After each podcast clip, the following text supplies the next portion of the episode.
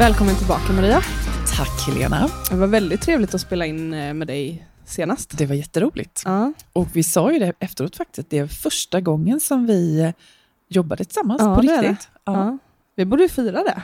Det tycker jag. Ja. Du vet ju vad jag brukar säga, man ska alltid ha en flaska bubbel i kylskåpet, alkoholfri Mm. eller med alkohol i, för Ja. man vet aldrig när Nej, man behöver fira. just det. Eller hur? Jag har ju försökt, vi har ju varit iväg och tältat. Ja. Ja, och då sa jag och Erik att vi, vi såg framför oss den här visionen om att alla barn hade somnat och vi kunde sitta och titta på solnedgången och ta ett glas. Eh, Jag försökte två gånger så jag öppnade faktiskt två olika flaskor och drack ett halvt glas och sen fick jag hälla ut. Liksom. Så det var verkligen waste av eh, bubbel. Det var ett man säga. litet firande. Ja, alltså det, ja, vi, han satt inte still en sekund så det, det var väl, vä- betoning på väldigt lite. Ja. Ja. Men eh, vi kanske kan ta ett glas ihop och fira att vi har vi börjat podda. Ja, Mm. roligt. Ja. Vad ska vi prata om idag då Helena? ja, men idag tänkte jag lite att vi ska prata om lite klassiskt eh, ämne egentligen, Mm. eh, som man eh, får, eh, får möta när man drabbas av sorg. Mm. Alltså det är goda råd. Ja. Mm. Och eh, lite om hur man kan bli bekräftad Ja. och också hur man kan stötta när någon Ja. eh, drabbas av sorg. Mm. Och så din lilla jätte, jätterad, Mm. eller mening. Ja, du menar att när vi eh, drabbar av sorg Ja. så är det inte våra hjärnor som behöver läkas, Nej, utan det är våra hjärtan. precis. Ja, Ja. den är jätteviktig. Mm. Alltså ett smärtande, smärtande hjärta. Eh, och så kommer folk med de här goda råden. Inga, jag vill betona det nu när vi pratar så här, Mm. det, det är ju ingen som menar någonting illa. Nej, Eller hur? inte. Jag tänker på till exempel när min Jonathan föddes, min son Mm. Jonathan, han föddes med olika funktionsnedsättningar, jag har ju bara nämnt det lite, men Mm. han är ju strax över 30 år idag, så han är ju en vuxen man, men Mm. Åh, mitt hjärta gjorde så ont. Ja. Det gjorde så ont. Mm. Men det jag fick höra av alla människor var ju det här, åh, vilken tur att han har fått dig som mamma. ja. Du som är så stark. Ja. Och vilken tur. Och jag liksom blev ju den här jättestarka mamman och jag försökte Mm. vara jätteduktig. Och, för då fick jag också andra människors bekräftelse. Mm. Men så här efteråt, så många år efteråt, så tänker jag att jag kanske bara hade behövt någon som sagt så här, du måste vara jätteledsen Maria. Ja. Hur känns det? Mm. Och återigen, jag betonar att det är ingen som gjorde fel, för vi vet Nej. inte något annat sätt. Nej. Men att det är viktigt att också våga möta hjärtat. Mm. Mm. Ja, och det där med att vara stark har ju vi fått höra också. Ja. Jättemycket i olika typer av konstellationer. Ja. Alltså det har ju varit allt ifrån att eh, om det är någon som ska eh, som kommer klara av detta så är det du och Erik. ja. Eh, ni är så starka eller Mm. ehm, ja, Men, hade- men, men hur det- känns det när någon, alltså när någon säger så? Är det någon som kan klara av det här, säger du och Erik. Hur känns det Helena? Ja men i början då, Ja, då ville jag ju bara nita folk Ja. som sa det. ja, För jag kände ju bara, men vadå stark? Det har ju ingenting med att vara stark. Jag har ju Nej. inget val, jag har inte valt det här själv. nej. Alltså jag, jag, jag förstod ju inte vad de menade. nej, nej. Ehm, och det provocerade mig jättemycket. Alltså jag var väldigt arg, Mm, var jag ju då. mm, Ehm, och jag röt ifrån liksom när, när människor sa det. mm. Jag är inte stark. Det har inget med att vara stark att göra. Nej. Liksom. Ehm, För jag tänker att det, alla kanske inte ens ryter ifrån.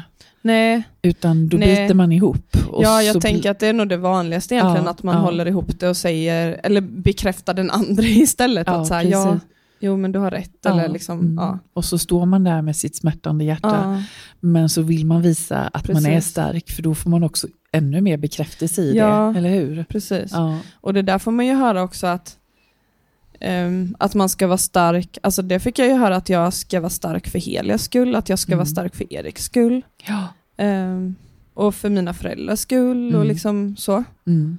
Så det handlar inte bara om att man kanske ska vara stark själv när man drabbas av sorg, utan också att man ska vara det för andra som blir Ja. drabbade av sorg. Precis. Fastän att man själv också är drabbad. Mm. Mm. Men det får komma lite, lite sen. Ja, precis. Alltså så, det finns inte plats riktigt för det då. Nej. Nej. Jag tänker på just när, i sorgbearbetningen så brukar man ju prata om det. I mötet med människor i sorg Mm. så ska man se sig själv som ett stort hjärta Ja. med stora öron och en väldigt liten mun. Mm. Det vill säga lyssna, Ja. inte prata så Nej. mycket. Men kanske också ställa, jag vet den här frågan som de pratade väldigt mycket om när jag gick min, den här viktiga frågan att man kan ställa till någon, vad var det som hände? Mm. För att få människor att Ja. börja berätta, för det är ju när vi berättar vad som har hänt och hur det känns, det är ju då också vi bearbetar istället för att bara stänga inne. Verkligen. Ja, Ja, och vet man vad det var som hände så kan man ju också säga att jag hörde vad som hänt, vill du Precis. berätta Ja. eller vill du prata om det? exakt. Mm. Så jag tänker, Men jag undrar egentligen, alltså vad tror du egentligen det som gör att människan eh, alltid väljer att komma med de här goda råden, alltså som att vi ska lösa eller liksom på något sätt, alltså är det till grunden att vi lär oss att man ska trösta när man är ledsen? Eller vad tror du?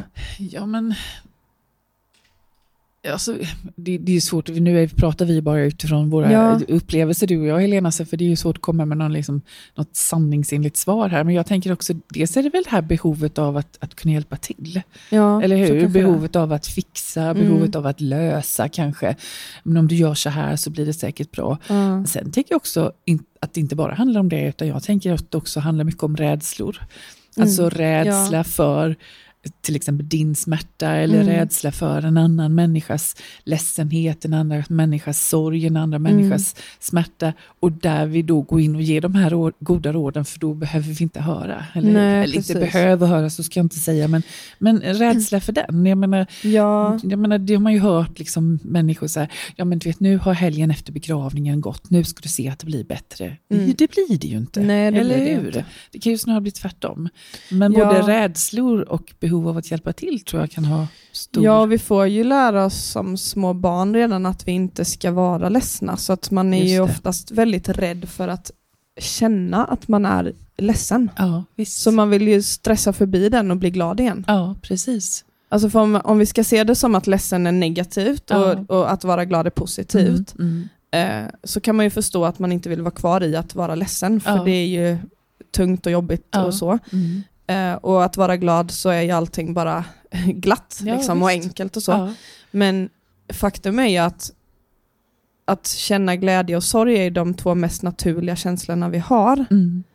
Och ändå så ska sorg då inte få vara naturlig känsla, utan den ska vi bara stressa igenom. ja. Eller helst inte känna Nej, men alls. precis, och jag, för jag tänker att vi inte, vi, på grund av det du, du beskriver nu, Mm. så är vi ju inte heller riktigt rustade för det. Nej. Vi är inte rustade för vår egen upplevelse av Nej. sorg, men också vi är inte heller rustade att möta andras. Nej. Eller hur? Jag brukar skoja om det ibland och säga, det är ju ingen som kommer och sätter sig i min fåtölj mitt emot och säger så här, du att jag är så lycklig nu, kan du hjälpa mig lite med det? Nej, precis. Det är det ju inte. Utan livet handlar ju väldigt mycket om att rusta oss för Ja. sorger och, och det här Mm. och kriser i livet. Och där tänker jag att sorgbearbetningen är en väldigt viktig del i det. Ja, och det, och det är ju samma sak, jag menar om, om någon, alltså precis som du sa nu, alltså alltid om du kommer och säger att jag känner mig ledsen eller jag, eh, ja, att någonting är tufft, Mm. då ska man ju försöka lösa det direkt. Ja, Men kommer du säger att du är glad så är det ingen som vill lösa varför du är glad. nej, precis. Alltså nu måste vi gå till botten till varför du blev så glad Mm, här. Visst. Helia hade en jättetuff känslomässig dag igår. Mm. Ehm, där vi låg mycket i sängen Mm. och pratade och hon Mm. grät väldigt mycket. Mm. Hon, eh, alltså hon, hon är inne i någon form av utvecklingsstadie nu där hon lär känna sina känslor Mm. väldigt mycket. Eh, och det är alltid Solde som det kommer tillbaka till, att hon är väldigt ledsen för Solde. Eh, men hon sa till mig igår att så här, mamma, det finns ingenting som gör mig glad. Jag känner inte att jag är glad i hjärtat. Och då sa jag till henne att det är helt okej, vi kan ha en dag där vi känner att vi är ledsna. Mm. Och det är okej, vi kan Ja. vara i det. Mm. Och då blev hon så här, jaha, måste jag inte vara glad, sa hon då. Mm. Och då sa jag, nej, Nej. Man får vara ledsen också. Mm. Det är helt okej. Vad fint Helena. Ja. Vad fint. Nej, men jag, jag, alltså det är så viktigt att belysa det, tänker Ja. jag, att, att vi inte ska stressa igenom det där. Nej, Med goda råd. Liksom. nej precis. Eller lösningar på problemet. Ja, men, och, och där är det ju viktigt att både som mamma till Helia men också som utifrån mig själv om Mm. jag känner att jag är ledsen eller jag har en sorg, att också hjälpa andra Ja. människor att bemöta mig på rätt sätt. Jag tänker, jag, min man där hemma, han är så här, jag brukar kalla honom för min hammare och spikman. För han vill alltid, nej men han vill alltid lösa allting fort. Men där har jag blivit mycket bättre på att säga så här, Mm. nu behöver jag prata om det här och jag vill inte att du ska gå in och lösa det här. Jag vill Nej. bara att du lyssnar. Ja. Så jag tänker det är viktigt också att vi hjälper den andra Mm. eh, mottagaren Ja. också förstå. Liksom. Jag kan känna ibland, men när jag har fått prata, alltså om jag får säga vad det är, Ja, då kan jag ibland känna mig lättad efteråt, som att det var lösningen. ja alltså förstår du, att, Ja. att någon bara lyssnade och bekräftade. Ja, det är ju ofta så. Ja, Ja. ja.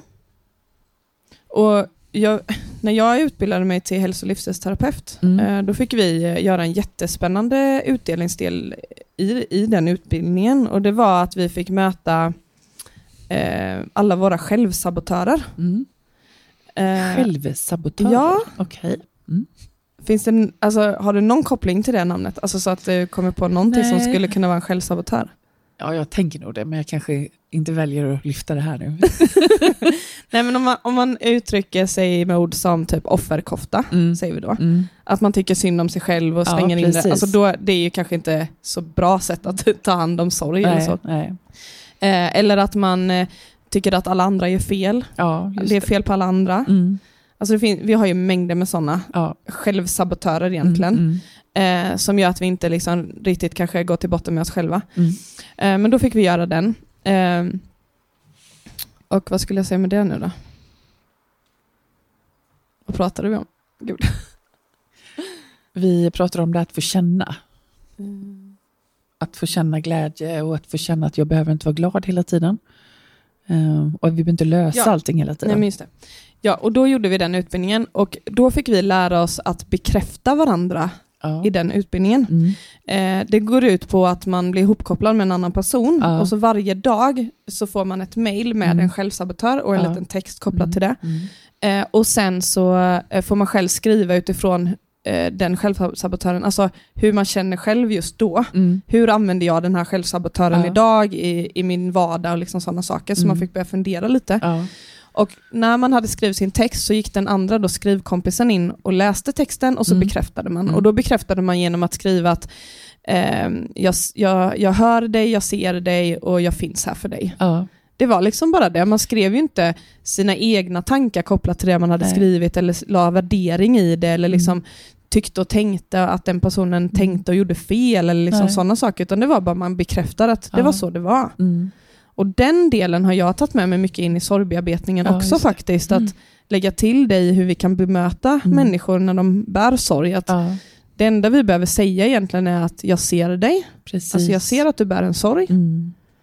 Jag hör dig. Mm. Alltså jag har lyssnat på vad du har berättat. Mm. Och jag finns här för dig. Mm. När du behöver min hjälp så finns jag här. Jag tänker, Alltså så. Helena, nu tittar jag på det så här lite Mm. Ömt. Känner jag, nej men jag tänker att det här har varit en stor del för dig också ju. Ja, Att, att många också har haft åsikter om verkligen. hur du har sörjt, Ja. eh, var, vilka val du har gjort Mm. och egentligen så har du bara, du har inte skrikit men jag har upplevt det Jag har i- skrikit. i, i min mottagning ibland att Ja. du har liksom velat skrika, det enda jag behöver är bara att jag hör att du liksom smärtar. Ja. Jag ser att du är ledsen, Mm. du har, men du har fått många sådana här åsikter på dig, hur? Verkligen. Ja. Mm. Jag, brukar, jag tror jag har sagt det någon gång, jag vet inte vad det är för reklam, det är någon reklam med hostmedicin eller någonting, Mhm. där det kommer liksom så här basiller eller vad Ja, det är just för någonting. Och då, så det känns som de kastar så de fastnar så på Ja. kroppen. Och jag har lite liksom jämställt det lite med det, att du har fått många sådana på det, där folk Mm. har värderat hur du har gjort. Och, Verkligen. och det enda du egentligen har bara behövt i din sorg är bara, jag ser att du är ledsen. mm. Mm. Ja, och att de lyssnar. Och inte alla dessa råd hela Nej, tiden. Liksom. inte alla dessa Nej. råd. Och återigen, nu, jag tror att jag är tredje gången jag säger det nu i det här avsnittet, vi är inte ute efter att liksom peka finger åt folk som Nej. gör eller liksom säga att någon gör fel, för vi är uppfostrade till att det är så här vi ska göra. Mm. Vi vill bara upplysa, skapa ny inlärning, att vi kan Ja, göra på ett men annat precis. sätt. Ja, hur? Ja. Och så är det ju ofta, alltså det kan jag tycka att det ofta är att, att eh, men, som den här broschyren vi fick när vi var på sjukhuset, Ja. att det står hur sorg ska te sig. ja. Att om det står det så är det så det är. Mm. Men det är väldigt sällan det är så det fungerar i vardagen. ja. Alltså det, det är ju så i många delar i livet att, att det finns instruktioner för hur saker och ting borde vara. Och så tänker man att man ska försöka liksom, hålla sig inom den ramen. Mm. Men oftast så är det ju långt utanför den som verkligheten är. Mm. Verkligen. Alltså vi kan ta ett helt annat exempel. Mm. Eh, Francis och Jolie, våra Mm. två senaste barn, har ju båda haft kolik. Eh, problem med magen och inte kunnat ha mjölkbaserad mat. Liksom. Så vi har ju fått utskrivet Altera Och det får man ett år. Mm. En sån burk, nu vet jag inte exakt, men det, alltså en burk på apoteket kostar typ 300 och en burk räcker i typ en och en halv dag. Alltså Okej. det kan man inte Oh. gå och köpa själv. Nej. Så vi får det på recept. Men man får bara ett år. Mm. Sen slutar de. Okej. Mm. Vilket barn när de är ett år har slutat med typ välling och ersättning bara sådär? Ja. Och när Just vi det. säger och då det... menar du att det finns en instruktion men den följer Exakt. inte livet? Nej men precis. Och, och då har jag sagt det till läkarna eh, eller de som jobbar på den här centralen när man får det utskrivet att så här, jag, alltså jag hör vad ni säger att det är ett år man kan få men ja. sen får man inte mer men det funkar liksom inte så. Jag kan inte säga till min ettåring att så här, nu kan du inte dricka det här men nu ska du helt plötsligt dricka vanligt. Ja. För han vägrar göra det. Ja. Och där, alltså det är så här det är mycket i livet. Mm. Tänk Mm. om vi hade kunnat lyssna Mm. Och bara bekräfta och Ja. möta. Ja, precis. Att så här, hitta någon, alltså Mm. så här, ja, alltså, Istället för att ge de här goda råden. ja, Ja. precis. Exakt. För det skapar ju oftast många problem och jag tänker också att det är grunden till att många har liksom inte mår bra idag. Ja. För att man har inte blivit hörd och bekräftad. ja, men exakt. Och sen tänker jag just det där, du är inne på de här liksom, instruktionerna Mm. i livet som ju inte är nedskrivna Nej, där, men de precis. som finns där som Ja. myter och, Mm. och sådär. Eh, just att stödja, jag tänker på när vi pratar om det att stötta människor i Mm. sorg, att tänka att det finns ingen färdig mall. Nej det gör det, det inte. finns ingen färdig mall, det är inte över efter tre månader. Nej. Det är inte så, utan det finns ingen mall. Nej. Och att inte tänka så, nej men nu borde det har gått så lång tid så nu borde det här vara över. Det Mm. finns inte.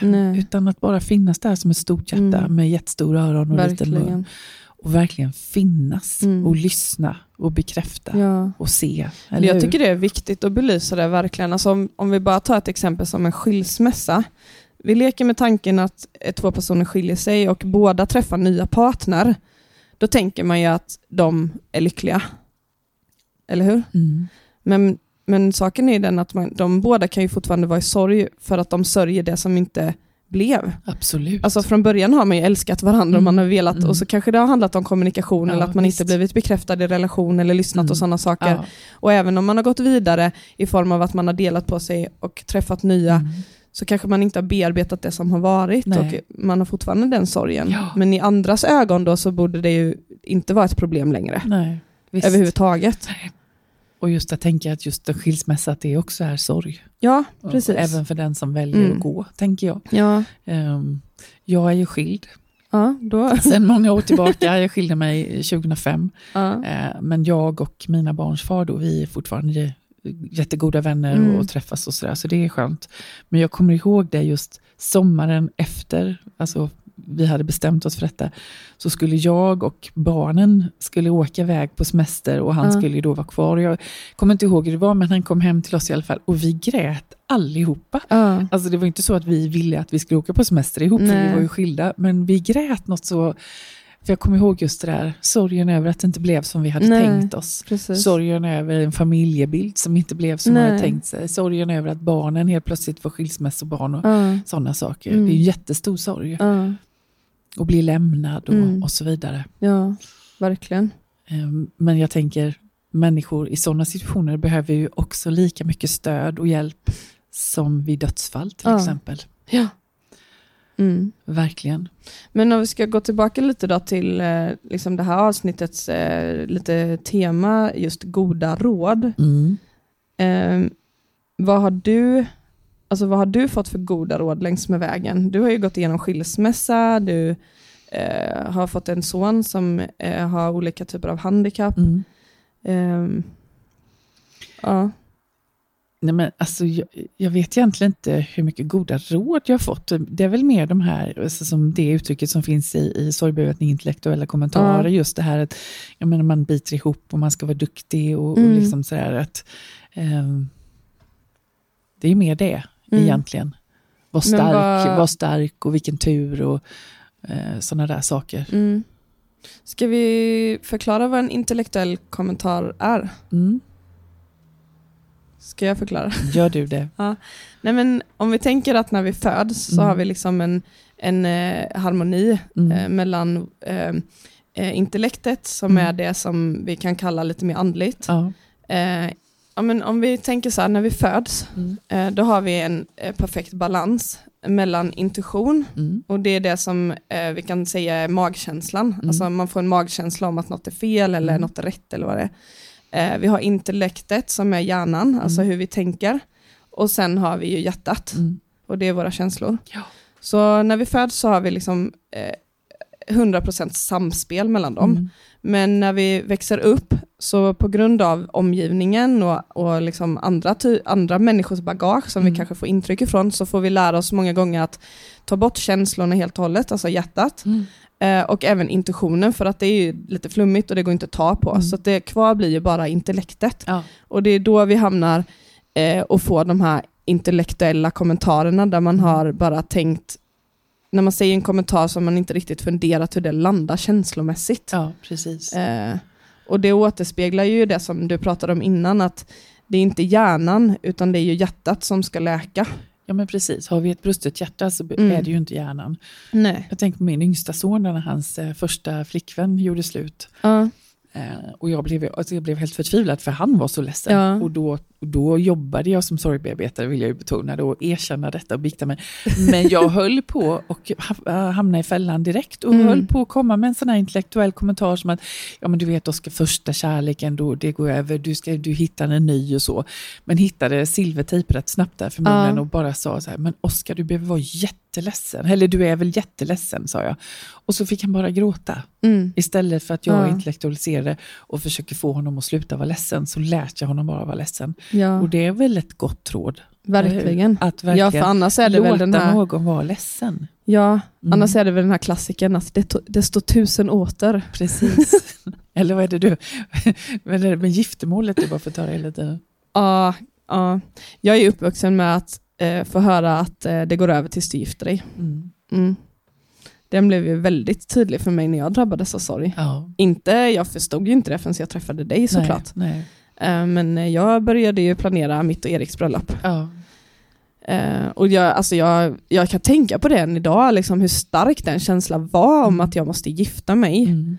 Eh, och det var ju, fanns ju ingen kärlek bakom det, utan det var ju mer, alltså det blev mer som ett alltså beroende tror jag, Ja. tvång. För Alltså du jag har- var ju liksom manisk. Mm. Och jag planerade ju bröllop ihop med mina tjejkompisar och jag vet att de var lite så avvaktande och så var de nog lite rädda för att säga någonting för de ville ju inte liksom att jag skulle bli osams med dem. Nej. Eller, alltså du vet att de skulle säga fel, de ville inte såra mig utan de var ju så uppmuntrande men nu i efterhand när jag tänker på de här samtalen så kan jag ändå känna av att de var liksom lite trippade på tår där för att Ja. inte liksom säga fel eller du vet så. Ja. För att jag var så himla inställd på det. För du hade blivit präglad i det. Ja, jag var Alltså, präglad i det. Så fort det gjorde ont, kanske både fysiskt men också Verkligen. känslomässigt, så, så var det det. Det går Mm. över tills du gifter dig. Och helt plötsligt befann du dig i en situation där allt gjorde ont.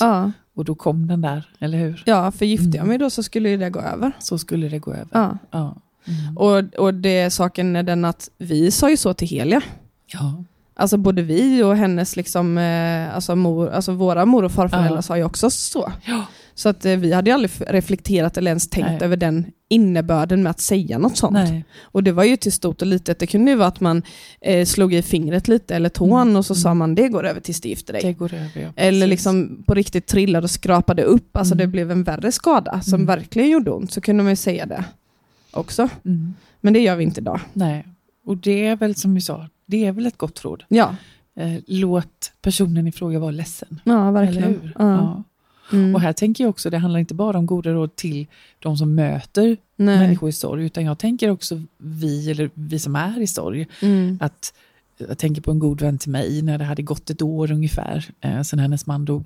Och hon upplevde det som ganska jobbigt när hon träffade människor ja, men på stan och sådär. Mm. Ja, men hur går det och hur är det? Där hon egentligen kände att men det går sådär. Ja. Men hon kände någon så att hon borde säga så här, ja men det, det går bättre nu. Men Mm. jag vet att jag sa till henne, säg inte det då. Nej. Utan säg precis, sen behöver vi inte liksom prata om det och Nej. lägga ut det, men säg precis som det är, Mm. eller hur? Ja. Så det handlar ju både om vi som möter, men också eh, vi som är i sorg. ja, och det är en stor del när man gör handledningsprogrammet att eh, vi pratar ju nästan varje gång om betoningen av att vara ärlig mot sig själv när det gäller en sorg och Mm. känslor. Mm. För att eh, förminskar vi våra egna känslor hela tiden och trycker undan dem och, och alltså, det vi säger högt, Mm. det blir också sanningen på ett sätt. Mm. Mm. Eh, så att säger man gång på gång hela tiden, ja men det är bra, det är bra, så eh, intalar man ju sig på något sätt att det är det, men Absolut. känslomässigt, alltså i hjärtat så är man ju fortfarande helt trasig och det känns ju annat, så att liksom, de samspelar ju inte med varandra Nej, då. nej. Så att det vi måste börja med är ju att vara ärliga för oss själva. Sen kan Mm. man ju såklart välja i vilken situation Absolut. och till vem, vem man ska nu vara ärlig och Precis. hur, mycket, och hur ärlig man ska vara. Precis. Jag vet att jag och Erik har pratat om det många gånger. Liksom, eh, alltså, ska vi säga att vi har fyra barn eller tre barn? Ja. För det blir alltid en följdfråga. Ja. Och det är ju samma sak lite här, att, Mm. att om du är på stan och ska, eller säg att du går in i mataffär och ska Mm. handla mat och så träffar du någon bekant som frågar hur det är och du säger nej det är inte bra och så börjar de med följdfrågor och du kanske känner att du börjar gråta, alltså det kanske man inte vill Precis. göra. Nej. Sen är det ju helt okej att göra det, Mm. men ja. Men ärlighet kommer man ju Ärlighet längst kommer- med. Ja, absolut. Och det är också en stor del i att faktiskt läka Mm.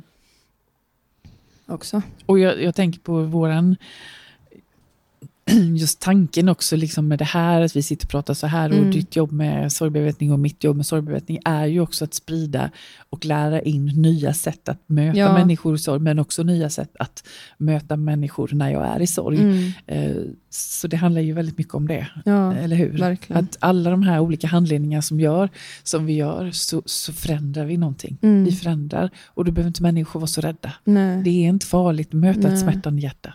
Nej, det är det inte. Nej, det är inte det. Det är nästan skönare. Ja, det är nästan jag skönare, eller Ja. hur?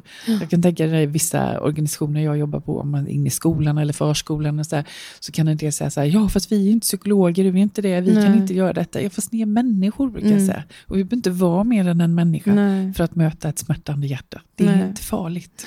Det är inte farligt. Nej, vi kommer långt med en kram.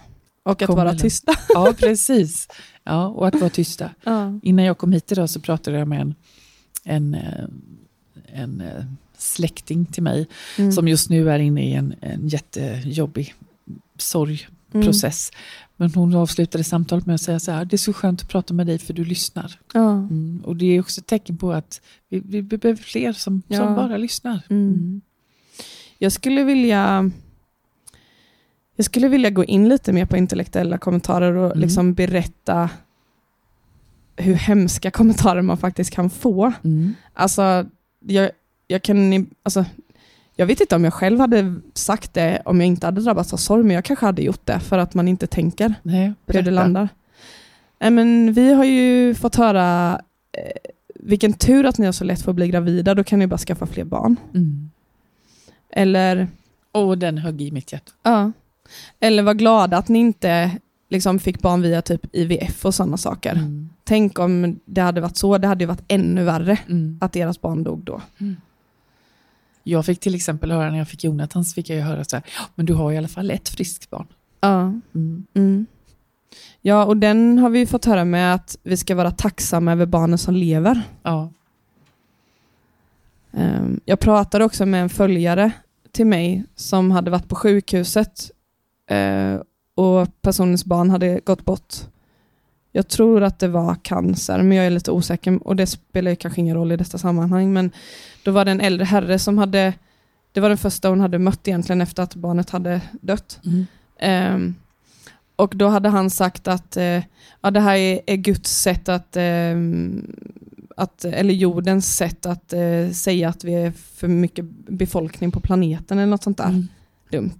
Åh. Alltså tänk att höra det första Tänk gången, alltså direkt Ja. efter att ens barn har dött. Mm, mm. Men jag tänker just det som du fick höra, där, att men, ni ska vara tacksamma för Mm. de barnen ni har som lever. Och, för det är ni ju.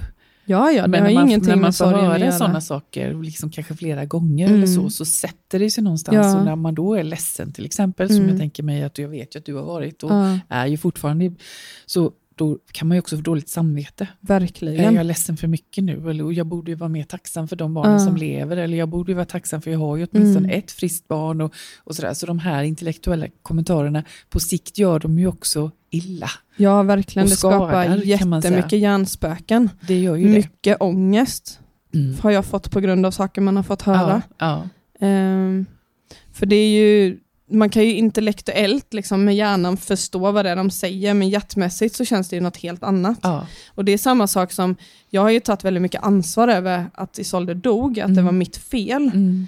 Eh, och det får jag ju höra hela tiden, att så här, det är inte ditt fel. Du får inte tro att det är ditt fel. Nej. Och jag brukar säga det, att det spelar ingen roll hur många gånger du säger det. Nej. För det är så här jag känner. Ja. Och jag tror att vilken mamma som helst hade känt så, Precis. eller pappa också för den Ja. delen. Mm. För man tar ett ansvar Mm. över det. Mm. Sen kan jag förstå intellektuellt Att det inte, att det inte är mitt fel, men Precis. känslomässigt Så känns det så känner jag att jag skulle ha räddat henne. Ja. Och det spelar ju ingen roll hur många gånger jag får höra det. Nej. Det tar inte den känslan ifrån mig ändå. Nej. Det som hade varit bättre för mig, som jag tror hade gjort att den känslan hade kunnat lätta snabbare, Mm. hade ju varit om någon hade sagt att det var helt okej att jag kände så. Mm. Eller att jag kanske inte, det kanske inte kan vara på något annat sätt än att det är så jag känner nu. Nej. Men att det är normalt. Ja, precis. Ja. Fint. Mm. Men hur gör vi då? Om vi ska... Alltså, jag får ju de här frågorna hela tiden. Eh, där folk skriver till mig att ah, nu har en bekant till mig eh, förlorat en närstående. Hur ska jag bemöta dem? Och hur ska jag höra av mig? Eller hur kan jag stötta på bäst sätt? Och det där har jag ju känt själv, för jag har ju människor som jag har varit i samma nätverk med som förlorat barn efter att jag har gjort och sådana saker. Och jag har liksom startat insamlingar och jag har försökt att komma med matlådor. Alltså det är jättesvårt att nå fram. Mm. Och då har jag ändå drabbats själv och tänker att jag borde veta, men jag, tror- vet tänker, inte. Du sa något viktigt där. Det är jättesvårt att nå fram, sa Ja. du. Och det kanske, är, det kanske inte är en rimlig förväntan. Nej. Utan det handlar inte om det. Utan jag tänker, nu, alltså nu vi, vi kan ju vara olika slags förluster, Mm. men jag tänker det viktigaste är ändå det här med ett stort hjärta. Ja. Med stora öron och liten mun. Mm. Att lyssna, att bekräfta och att krama om det finns möjlighet till det. Mm. Eh, och att bara finnas där. Ja. Men också tänka att jag behöver finnas där över tid. Mm. Inte bara i ett akut Nej, skede, precis. där liksom det är mest akuta, liksom, utan att jag behöver finnas där Mm. i, över en längre tid. Ja. Det är viktigt att eh, göra det. Och sen är det ju också så här, matlådor och sånt. Ja. Det är ju också viktigt naturligtvis. ja, men det, ju underlättar på- ju väldigt mycket. Ja, men sen också tänker jag, vi kommer ju också prata mycket om det, Mm. att vi, vi, det, döden är ju liksom den, men att också andra förluster i Mm. livet kräver också sådana här insatser. Ja. Jag menar, vi pratar om, i mitt fall då, att få ett barn med funktionsnedsättning till exempel, eller skilsmässor, separationer, människor som blir av med sina jobb, sjukdomar, Mm. alltså alla sådana här saker kräver ju också stöttning Mm. i form av stöttning av förluster. Och man tänker, men att lyssna, bekräfta, finnas där Mm. över tid. Och kanske inte ha den förväntningen om att jag ska nå fram. För du, det kanske inte går. Nej, jag tror också, de flesta är ju där och hjälper till just när det sker, Ja. alltså när det inträffar. ja. Men faktum är att alltså i början, de tre första månaderna, alltså jag är jättetacksam för allting. Alltså vi har ju haft det jätte, jätte förspänt på det Mm. sättet, för vi har ett så himla fint alltså vän, Mm. vad ska man säga, Nätverk. ja, vännätverk. Ja, nej men Mm. vännätverk och också familj för den delen med. Eh, Så vi har ju fått jättefin stöttning och det är inte alla som har det så. Men jag kan känna att i början då var man ju så förvirrad i allting och, Ja. och blockerad egentligen så att Mm. jag kommer ju knappt ihåg någonting. Nej. Men om vi ser som till idag, Mm. alltså när det är, jag menar jag fyllde år igår. Mm. Eh, Det var första gången efter att Isolde dog så jag kände att jag nog kanske ville fira att jag fyllde år, för Ja. det har jag inte känt den tid, alltså förra året ville jag absolut inte göra det. Men det är också sådana datum som också påminner väldigt mycket om hur jobbigt det är med Mm. sorgen. Alltså jag var ju både glad och ledsen igår och jag grät klart. liksom för att jag saknade henne Mm. och så. Mm. Eh, Men det kan jag känna att ibland när man har en tuffare period, Mm. att få det där smset om att eh, komma hem till en kompis att eh, ja, men så här, kom klockan fem, då finns det mat här. Mm.